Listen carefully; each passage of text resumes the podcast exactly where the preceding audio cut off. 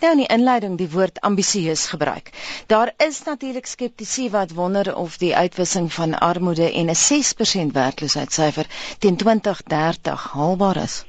Ja, dit is dis gebaseer op op 'n sekere hoeveelheid aannames. Een daarvan wat ek dink een van die moeilikstes is om te bereik, um, is dat die groeikoers van die bruto nasionale produk tussen 5 en 6% per jaar moet wees vir die volgende 20 jaar met die doel dan dat uh, werkloosheid teen 2020 um, is omtrent oor 8 jaar na 14% moet afgaan van die huidige 25% en dan in 2030 na na 6%.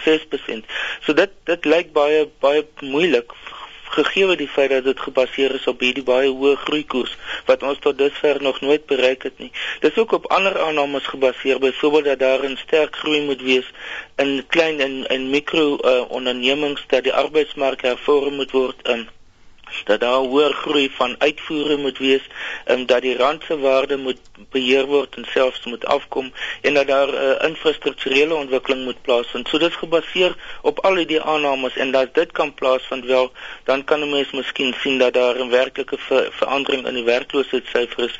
Maar armoede dink ek op sigself gaan ons nog lank mee moet saamleef. Um, en selfs as armoede as werkloosheid afgekom het, gaan armoede op sigself nog steeds in 'n groot mate bestaan. Dit het natuurlik ook te doen met die uitwissing van ongelykhede waarop Manuel klem gelê het. Ja, en en dit ek dink dis een van die die groot probleme want sodra as wat ons weer met 'n hoë groeikoers gaan werk, um, as dit realiseer, gaan dit beteken beteken dat die die verskil tussen die ryk en die arm eintlik gaan vergroot. So die sogenaamde Gini koëffisiënt um, gaan heel waarskynlik uh, groter word as wat dit nou op die oomblik is. So die die ongelykhede gaan nie noodwendig uh, verlaag nie, maar gaan kan hoogs waarskynlik uh, vergroot gegee die feit van wat hulle op klem lê, naamlik die van van 'n hoë groeikoers. Ehm um, as dit uiteindelik werk en en daar is die gaan die staat 'n baie belangrike rol speel en nie noodwendig die private sektor nie. Ehm um, dat daar werkloosheid op lae vlakke plaasvind. Dit beteken waar daar op die oomblik mense wat relatief ongeskoold is of wat net uh, wat lae vlakke van opleiding het, um, dan kan die ongelukheid begin verminder, maar dit is die groot kopseer. Is nie werkloosheid op die topvlak nie, as werkloosheid op die laag vlak en as dit nie plaasvind nie, dan gaan die ongelykheid voortbestaan. En natuurlik die politieke oppositie uh, koop en die DA veral was positief en het gereageer op die ontwikkelingsstaatskonsep. Ja, dis dis die sentrale konsep wat die die wat die die voorgestelde plan eintlik ondersteun.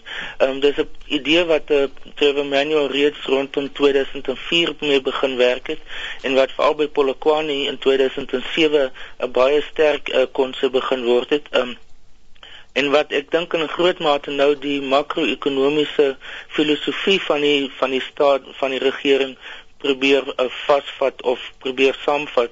Um, en dis die idee van die ontwikkelingsstaat wat in 'n groot mate steun op die ontwikkelings wat plaasgevind het in Japan na die Tweede Wêreldoorlog, Indië, um, en dan lande wat nie noodwendig goed pas in hierdie program nie of in hierdie idee uh, van 'n demokratiese ontwikkelingsstaat nie, soos die Noord-Suid-Korea, uh, Taiwan, Singapore en daardie lande. Mm dis dis die voorbeeld waarop dit werk. En die idee van 'n ontwikkelingsstaat is dat daar moet 'n vennootskap tussen die private en die openbare sektor wees om onder andere werkloosheid uh, te te be, uh, bekamp.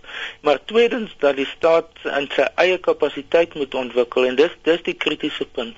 Ehm um, dit beteken 'n baie kompetente openbare sektor wat al hierdie beleidsaspekte kan kan implementeer en wat beleid kan ontwikkel in um, wat ter ondersteuning is van hierdie ekonomiese ontwikkeling. Um, en ek dink dis een van die die die prioriteite van die nuwe plan is hoe om die openbare sektor te verbeter um, en hoe om groter kapasiteit te ontwikkel in die openbare sektor sodat al hierdie planne wat van gepraat word en voorstelle wat gemaak word dat die staat sy eie rol kan speel of die openbare sektor saam met die private sektor um, om dit te kan implementeer. Nou dit sal natuurlik beteken dat daar ook werk geskep word binne die openbare sektor wat 'n belangrike bydrae sal lewer tot die bekamping van werkloosheid. So dis dis dis een van die grootste of ek sou sê belangrikste kenmerke van hierdie voorgestelde plan. Dirk minister Manuel praat van 'n sosiale kontrak waaruit 'n nuwe nasionale visie moet spruit. Hy het baie klem daarop gelê dat alle Suid-Afrikaners moet betrokke raak by die plan. Dis baie tipies van Trevor Manuel se styl en eintlik ook die van Ramaphosa wat ook baie nou betrokke is hierby of hoe? Ja, dit is inderdaad so. Die die idee van 'n sosiale kontrak het het 'n lang geskiedenis. Ehm um, dit was in in 2004 het uh, president Mbeki dit ingebring in die ANC se verkiesingsmanifest.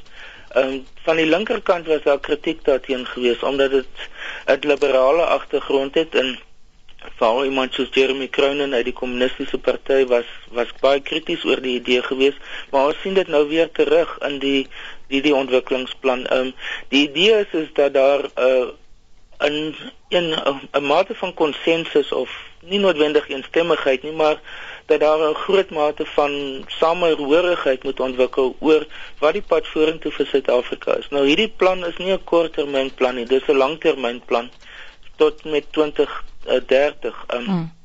So die bedoeling is dat daar 'n 'n langtermynbeplanningsdokument tot stand moet kom wat die regering kan gebruik en ander sektore in die samelewing van hoe om werklik die die visie vir Suid-Afrika te ontwikkel. En dit is iets wat die regering nie op sy eie kan doen